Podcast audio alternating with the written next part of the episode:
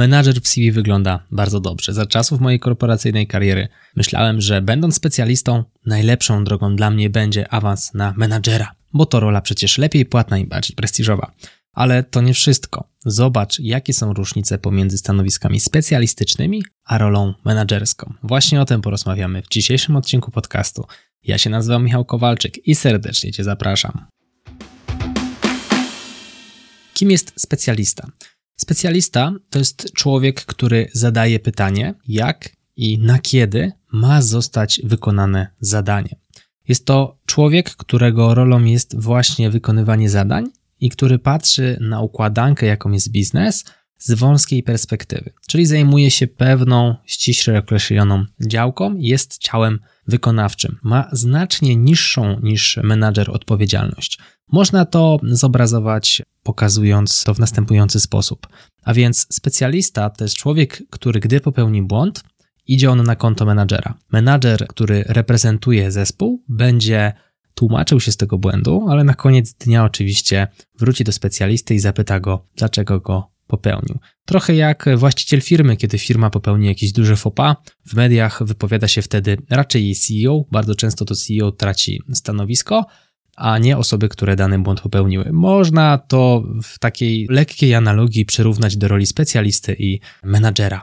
I teraz, jak wygląda menadżer na tle specjalisty? Ta rola się różni, a mianowicie menadżer zadaje pytanie, po co to mamy robić? Czyli menadżer nie zajmuje się stricte pracą na pierwszej linii frontu, on nie skupia się na patrzeniu wąskotorowo, nie skupia się na pewnym wycinku układanki, tylko stara patrzeć się na nią zdecydowanie szerzej. Robi krok do tyłu i łapie szerszą perspektywę, czyli skupia się na myśleniu strategicznym. Zanim wyda zadania, zanim powie, co kto ma robić, zanim zorganizuje pracę, najpierw zastanawia się, po co w ogóle ta praca ma zostać zrobiona. I to jest rola menadżera, czyli menadżer będzie kimś patrzącym krok wstecz, patrzącym może z właśnie tej perspektywy kroku zrobionego do tyłu, kimś, kto myśli proaktywnie, czyli zastanawia się, co się stanie, gdy wykonamy te czynności, jaki jest cel w wykonywaniu tych czynności, i nie będzie to osoba, która będzie stricte skupiała się tylko i wyłącznie na wykonywaniu tychże czynności. Menedżer będzie osobą otwartą na nowe obowiązki i zmiany, ponieważ to przez jego ręce będą przechodziły nowe dyspozycje, będą przechodziły nowe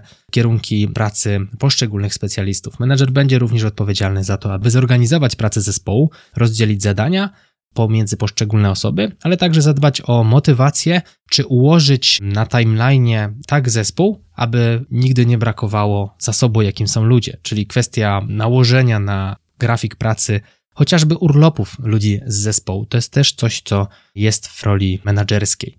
A więc jest też odpowiedzialny, o czym już wspomniałem wcześniej, za swoich specjalistów. W przypadku jakichś dużych problemów, bardzo często to on wychodzi i mówi: Tak, to jest nasza wina, naszego zespołu, to ja jestem za to odpowiedzialny. No ale potem oczywiście schodzi, jak już dym opadnie, kurz opadnie, schodzi do poziomu zespołu i wspólnie zaczynamy się zastanawiać razem ze specjalistami, dlaczego tak się stało i kto jest na samym dole, co jest może na samym dole przyczyną tego wydarzenia.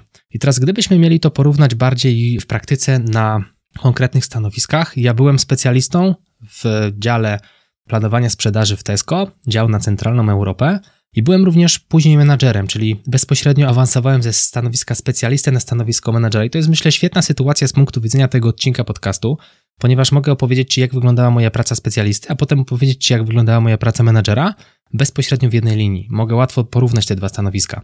Otóż jako specjalista zajmowałem się wysyłką towaru na sklep. Wysyłką towaru na sklep, na których tego towaru brakowało. Czyli miałem do dyspozycji pewien zapas znajdujący się na magazynie ten zapas miałem rozdysponować na poszczególne sklepy. Wysłałem też zapas z wyprzedzeniem, jeżeli wiedziałem, że w jakimś najbliższym czasie na konkretnym sklepie będzie w gazetce konkretny produkt, spodziewaliśmy się po prostu wtedy większej sprzedaży, ten towar musiał wcześniej na tych sklepach się znaleźć, a więc to też była moja rola. Wybierałem produkty, które powinny iść na wyprzedaże z taką małą gwiazdką, że ja je wybierałem jako sugestia dla mojego menadżera, który podejmował ostateczną decyzję. Wybierałem to stricte na zasadzie liczb towaru, który się nie sprzedał przez odpowiedni czas.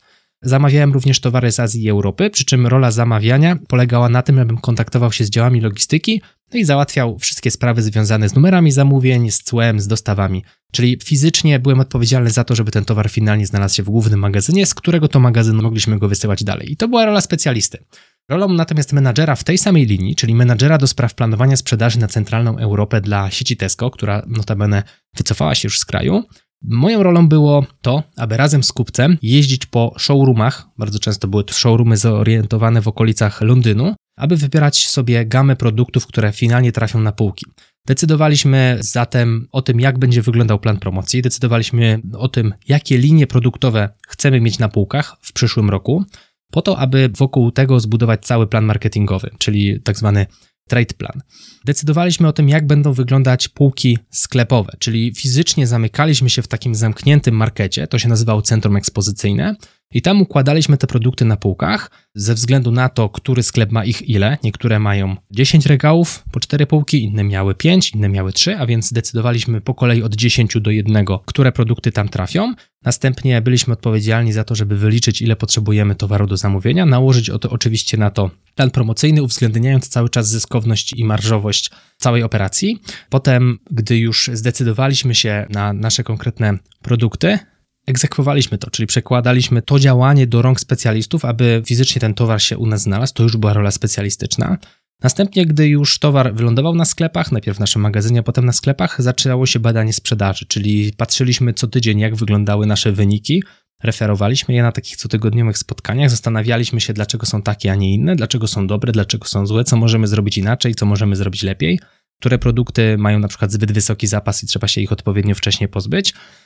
Osadzaliśmy też swoje działanie na tle konkurencji, czyli zastanawialiśmy się, co robimy my, czego nie robi konkurencja i odwrotnie, gdzie tu są jakieś pola do usprawnień, ale także robiłem jako menadżer rolę trochę bardziej administracyjną, czyli ja byłem kimś, kto podpisywał urlopy, kto zgadzał się na te urlopy lub nie, to ja zgłaszałem ewentualne potrzeby sprzętu, zgłaszałem ewentualne potrzeby szkoleniowe, ale rozmawiałem także o kierunkach high level i zmianach, które działy się w tamtym czasie w organizacji, czyli ewentualnych zmianach powierzchni, bo to było coś, o czym wtedy dużo rozmawialiśmy, bo ta powierzchnia nam się zmniejszała, w związku z tym to wpływało bezpośrednio na towar, który zamawiamy, ale także na potencjał sprzedażowy poszczególnych przestrzeni. Nie zawsze więcej znaczy lepiej, ale jest też jakaś minimalna granica powierzchni, która musi być, aby towar mógł się na niej znaleźć i klienci mogli go z niego zabrać. A więc to taki, mam nadzieję, szeroki rys tego, czym jest praca specjalisty i menadżera i czym to się różni, z przykładem z mojego życia. Myślę, że po tym odcinku już lepiej wiesz, jak wygląda rola specjalisty i menadżera. Jeżeli świetnie odnajdujesz się w Excelu, świetnie czujesz się w tym programie,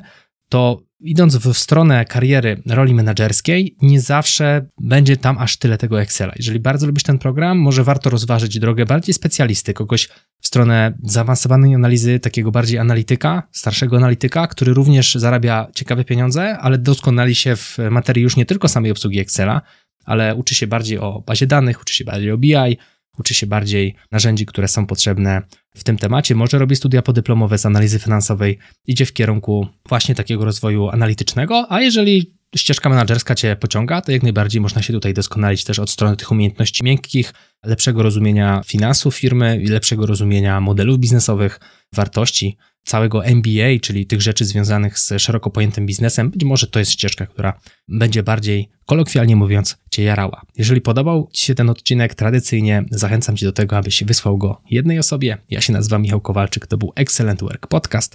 A jeżeli chcesz rozpocząć swoją karierę z Excelem, odwiedź stronę excelcv.pl. Do zobaczenia i do usłyszenia w kolejnym odcinku. Trzymaj się, hej!